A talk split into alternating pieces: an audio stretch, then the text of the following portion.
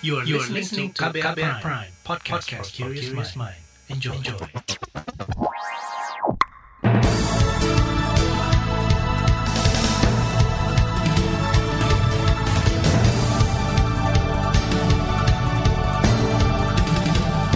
Selamat pagi saudara, senang sekali kami bisa menjumpai Anda kembali melalui program Buletin Pagi edisi Senin 30 November 2020.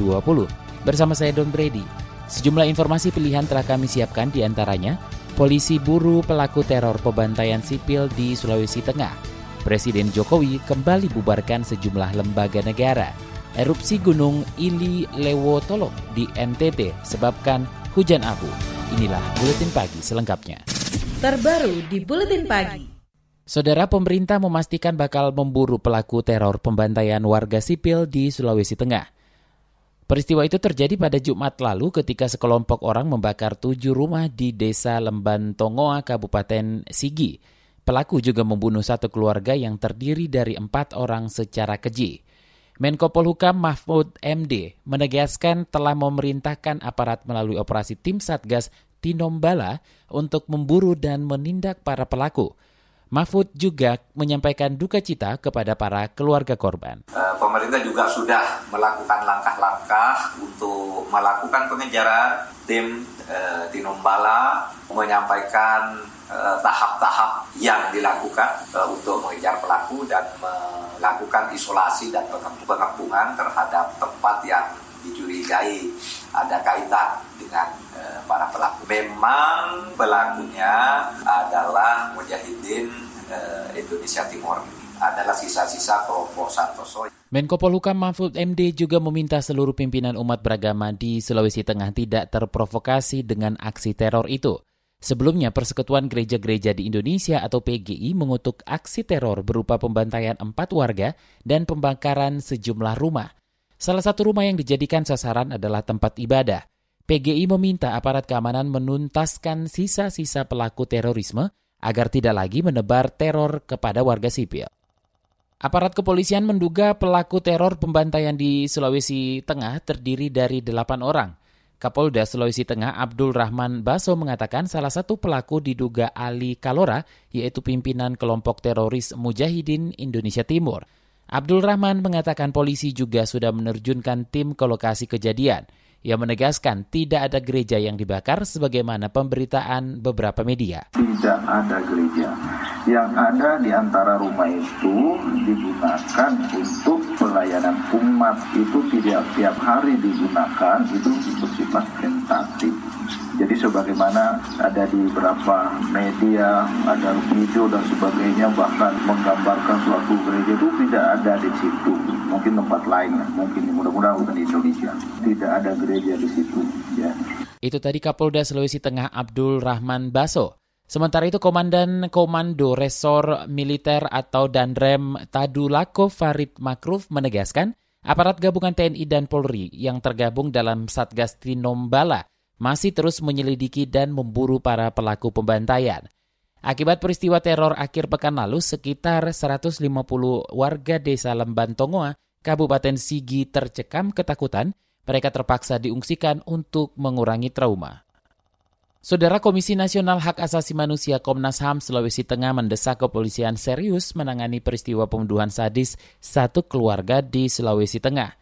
Ketua Komnas HAM Sulawesi Tengah, Dedi Askari mengatakan, peristiwa itu merupakan pelanggaran HAM yang amat serius. Peristiwa tersebut harus benar-benar diseriusi karena telah mencabik-cabik hati nurani umat manusia ya. Uh, saya kira untuk dan alasan apa pun, peristiwa tersebut sungguh merupakan satu pelanggaran hak asasi manusia yang serius. Tidak ada alasan untuk tidak menseriusi itu. Ketua Komnas HAM Sulawesi Tengah Dedi Askari menambahkan teror dan pembunuhan warga sipil di Sigi sangat jauh dari ajaran agama apa pun. Ia meminta masyarakat tidak terprovokasi dan menambah keruh suasana, sekaligus menyerahkan penanganan kasusnya ke aparat. Di sisi lain, pengamat terorisme dan intelijen dari Universitas Indonesia Stanislaus Rianta menilai Teror yang diduga dilakukan kelompok Mujahidin Indonesia Timur terhadap warga Kabupaten Sigi, Sulawesi Tengah tetap punya kaitan dengan motif ideologi.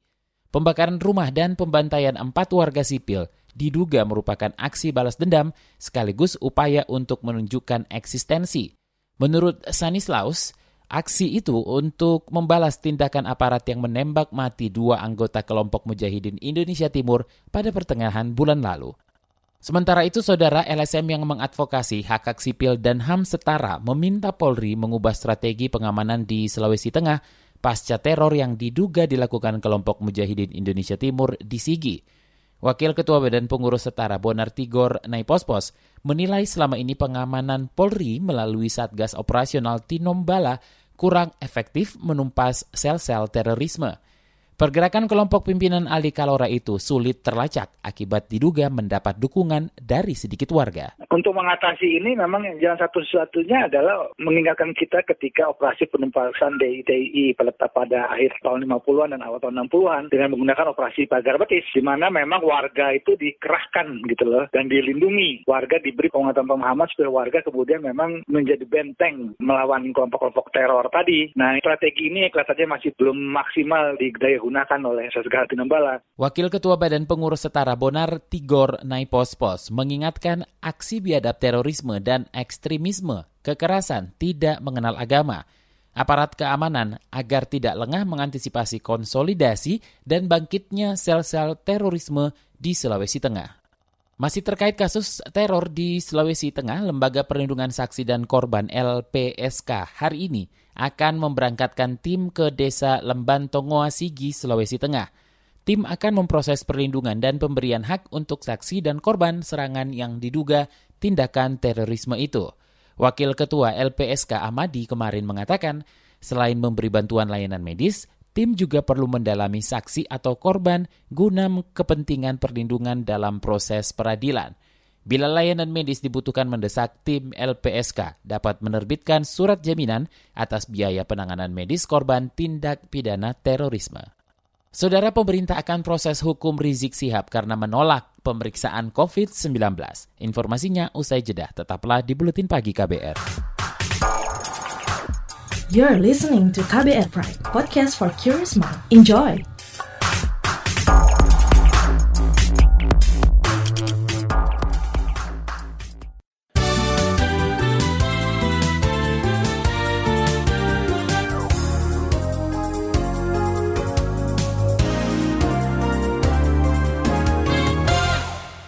Saudara Presiden Joko Widodo kemarin membubarkan 10 lembaga. Pembubaran diatur melalui peraturan presiden dan langsung diundangkan oleh Kementerian Hukum dan HAM.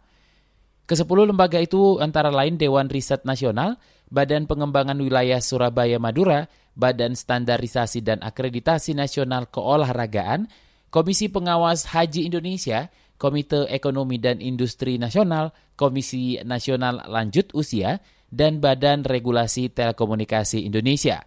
Sebelumnya Juli lalu Presiden juga sudah membubarkan 18 tim kerja, badan, dan komite yang dibentuk berdasarkan keputusan Presiden. Presiden Joko Widodo memerintahkan seluruh Korps Pegawai Republik Indonesia atau Korpri terus mempercepat reformasi birokrasi dan regulasi strukturalnya.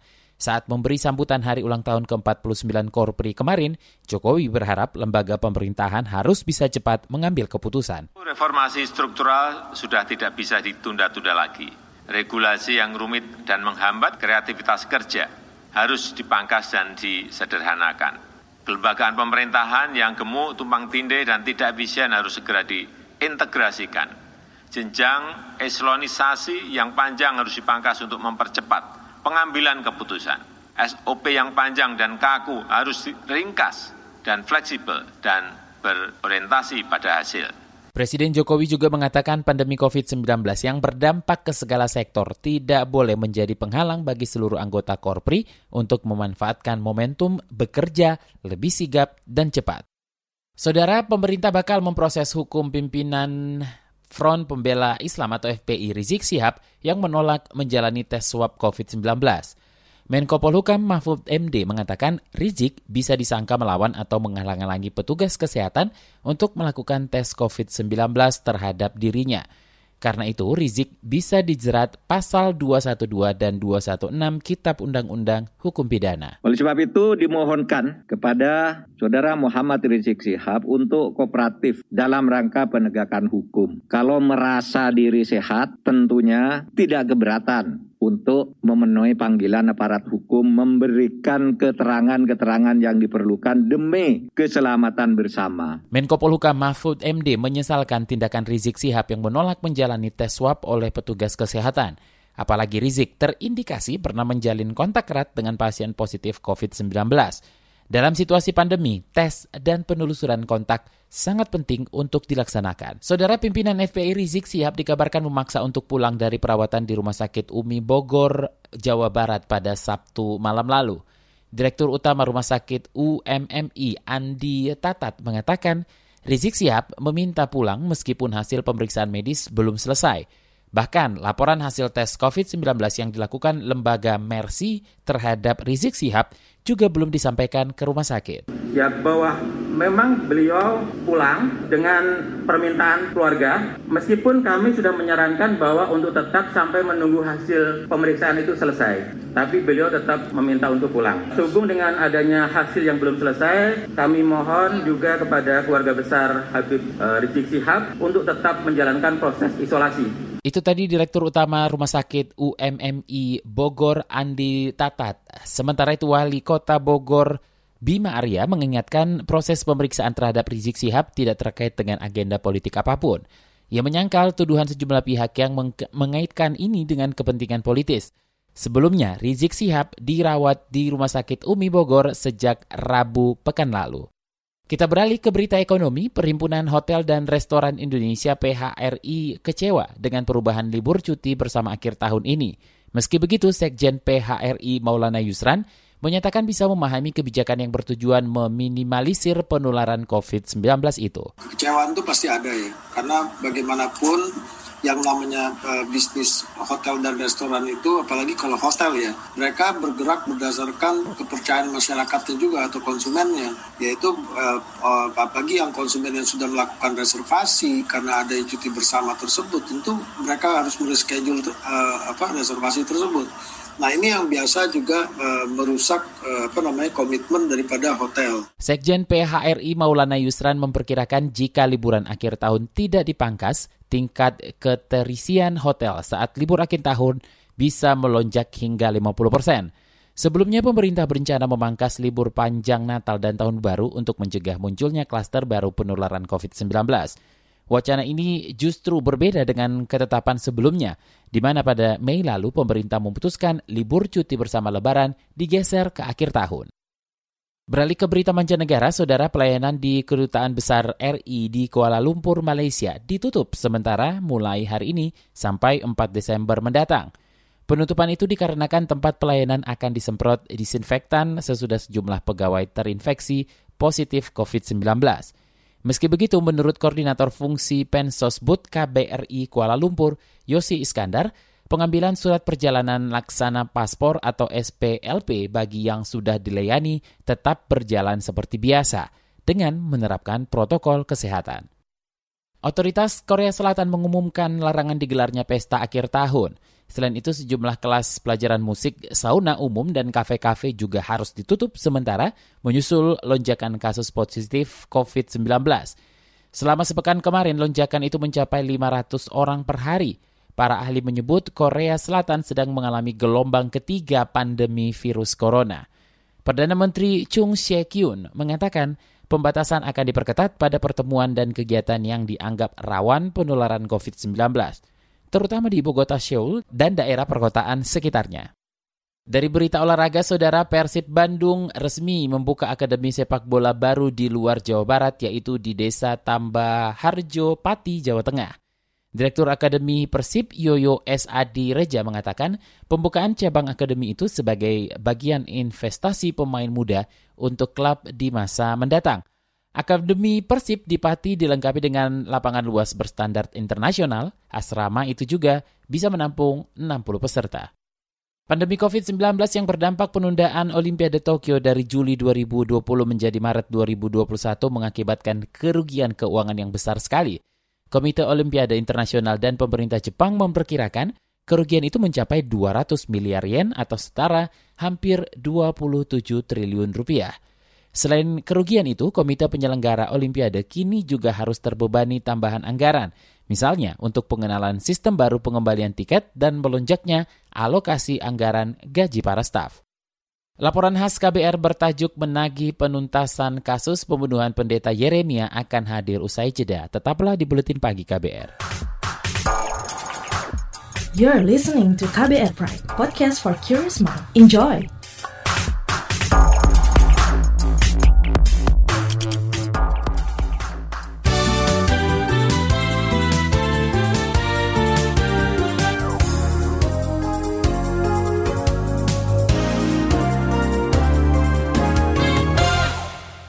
Anda masih bersama kami di Buletin Pagi KBR, Saudara. Publik menanti komitmen negara untuk menuntaskan kasus pembunuhan terhadap pendeta Yeremia Zanambani. Kasus ini menjadi pertaruhan kredibilitas pemerintah dan penegak hukum dalam menangani masalah HAM di Papua. Apalagi ada dugaan kuat keterlibatan anggota TNI dalam peristiwa ini. Simak laporan yang disusun jurnalis KBR Astri Yuwanasari kasus pembunuhan Bapak ini kami tidak mau diadili melalui pengadilan militer. Kami juga tolak jasad Bapak tidak boleh diotopsi. Kami pihak keluarga meminta supaya kasus Bapak ini bisa dibawa ke pengadilan HAM supaya kami pihak keluarga juga bisa mendapatkan keadilan. Itu tadi tiga permintaan dari Rode Zanambani, putri mendiang pendeta Yeremia Zanambani, lewat video yang tersebar di media dan kanal YouTube. Pendeta Gereja Kemah Injil Indonesia di Hitadipa, Intan Jaya, Papua ini meninggal dunia pada 19 September lalu, diduga akibat kehabisan darah usai ditembak dan disiksa. Pelakunya diduga anggota TNI, sebagaimana kesimpulan hasil investigasi Tim Gabungan Pencari Fakta TGPF bentukan Menko Polhukam Mahfud MD. TGPF juga membuka kemungkinan keterlibatan pihak ketiga dari rangkaian peristiwa kekerasan 17 hingga 19 September yang menelan lima korban jiwa. Tiga warga sipil termasuk pendeta Yeremia dan dua anggota TNI. Hasil investigasi ini diumumkan ke publik oleh Mahfud 21 Oktober lalu. Menunjukkan dugaan keterlibatan oknum aparat meskipun ada juga kemungkinan dilakukan oleh pihak ketiga. Untuk selanjutnya, pemerintah akan menyelesaikan kasus ini sesuai dengan hukum yang berlaku Hasil temuan Komnas HAM mengerucut pada sosok wakil dan Ramil Hitadipa Alpius sebagai terduga kuat pelakunya. Kepolisian kemudian diperintahkan untuk segera mengusut tuntas kasus tersebut. Namun, progresnya terkendala karena keluarga Yeremia berubah pikiran. Mereka kini menolak autopsi jenazah karena yakin bukti-bukti yang ada sudah cukup. Keyakinan ini ditepis oleh juru bicara Polri, Awi Setiono. Menurutnya, penolakan keluarga justru makin mempersulit penuntasan kasus. Sebab-sebab kematiannya kita bisa temukan nanti setelah autopsi. Ya, sampai sekarang kita belum belum tahu itu. Kalau bicara terkait dengan misalnya penembakan, kemudian eh, yang bersangkutan meninggal, kita kan harus buktikan. Dan ahli harus bicara itu. Yang bersatu meninggalnya karena apa? Karena tertembak itu, karena ke apa? Ya kita lihat. Komnas HAM memastikan bakal terus mengawal proses hukum kasus pembunuhan pendeta Yeremia. Meski begitu, Komnas menghormati sikap keluarga yang menolak autopsi. Komisioner Komnas HAM BK Ulung Hapsara Komnas HAM sampai saat ini dalam laporan resmi dan juga pernyataan yang disampaikan oleh keluarga korban kan mereka bersedia diotopsi. Ya, kami memegang itu, tapi tentu saja keputusan ada di keluarga. Kami tidak perlu membujuk-bujuk mendekati mereka untuk kemudian berubah pikiran. Komnas HAM telah bertemu Presiden Joko Widodo di Istana 16 November lalu. Salah satu agendanya adalah melaporkan hasil temuan kasus penembakan pendeta Yeremia. BK mengklaim Jokowi sependapat dengan Komnas bahwa kasus itu harus diusut hingga tuntas. Penuntasan kasus pendeta Yeremia akan berdampak besar pada relasi pemerintah dengan masyarakat Papua yang selama ini penuh konflik. Menurut pengamat Papua dari LIPI, Adriana Elizabeth, Yeremia adalah sosok pendeta yang sangat dihormati warga Papua, khususnya Intan Jaya. Apalagi Yeremia merupakan penerjemah Alkitab ke dalam bahasa suku Moni, Papua. Adriana memperingatkan adanya kemungkinan isu ini dimanfaatkan kelompok separatis untuk propaganda jelang hari peringatan 1 Desember. Ini kan jadi menambah daftar panjang penyelesaian HAM yang tidak ada ujung pangkalnya. Apalagi ini menjelang 1 Desember ya peringatan OPM. Nah kelompok-kelompok pro merdeka itu kan selalu memakai momentum kan. Nah ini kan mereka bisa bilang bahwa tuh lihat nih pendeta aja di misalnya seperti itu. Jadi asumsi-asumsi itu bisa terus dibangun, bisa terus menggelinding. Adriana mendorong penegak hukum bekerja transparan sehingga bisa mendapat kepercayaan dari keluarga Yeremia. Bekas anggota TGPF Samuel Tabuni juga menuntut penegak hukum menindaklanjuti temuan timnya sampai ke pengadilan. Hasil akhir penanganan kasus Yeremia akan mempengaruhi persepsi warga Papua terhadap negara selama hasil penegakan hukum itu tidak berpihak pada orang Papua, sebenarnya di situ membangun sebuah narasi atau psikologi orang Papua terhadap pemerintah Indonesia sejak kesenduan untuk orang Papua itu mesti diragukan. Kalau hukum itu sendiri masih berat sebelah sudah ada bukti-bukti, ada saksi, ada fakta-fakta yang kita temukan itu harus membuahkan satu keputusan yang memberikan rasa damai penghiburan kepada keluarga korban secara khusus masalah Intan Jaya, tapi juga semua orang Papua. Demikian laporan khas KBR, saya Astri Yuwanasari. Informasi dari daerah akan kami sajikan usai jeda, tetaplah di Buletin Pagi KBR. You're listening to KBR Pride, podcast for curious mind. Enjoy!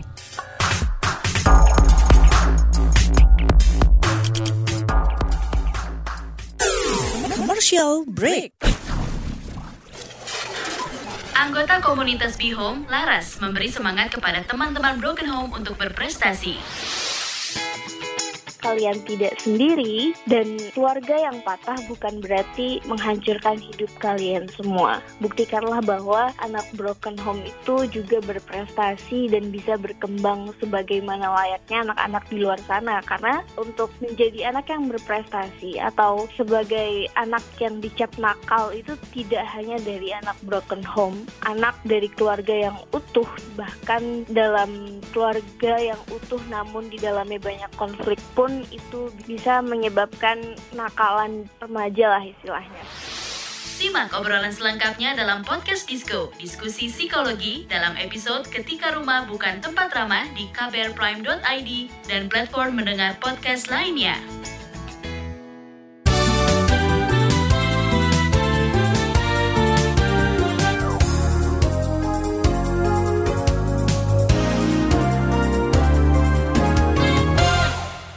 Inilah bagian akhir buletin pagi KBR. Saudara kita ke Nusa Tenggara Timur, hujan abu vulkanik melanda wilayah sekitar Kabupaten Lembata, Nusa Tenggara Timur. Kepala Bidang Mitigasi Gunung Api PVMBG Devi Kamil Syahbana mengatakan hujan abu itu akibat Gunung Ili Lewo Tolok kemarin mengalami dua kali erupsi. Gunung Ili Lewo Tolok kini telah dinaikkan statusnya menjadi level 3 atau siaga. Masyarakat diimbau menjauhi radius 4 km dari kawah puncak dan tetap mengenakan masker.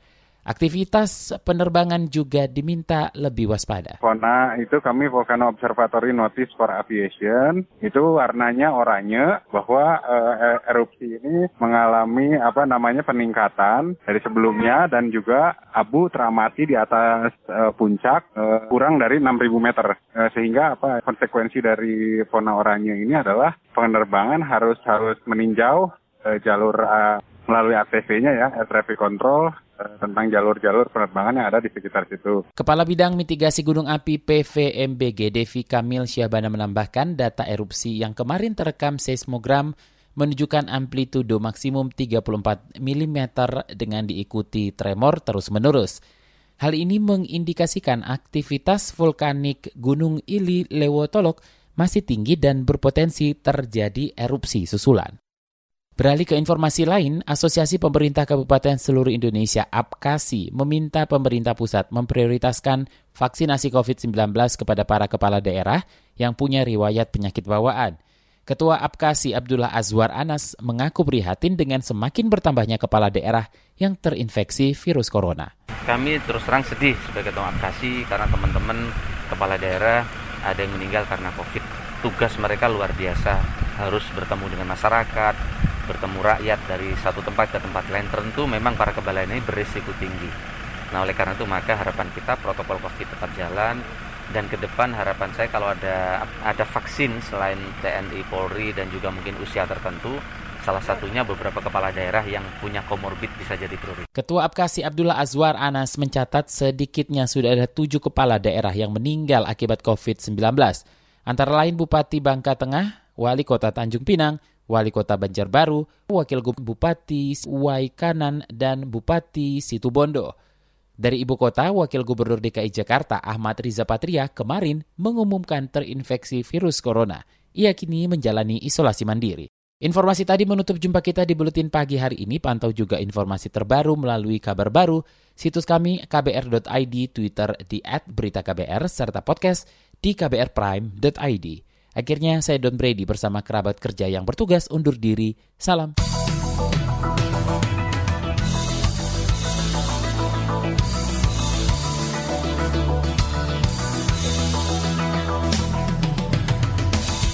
KBR Prime, cara asik mendengar berita. KBR Prime, podcast for curious mind.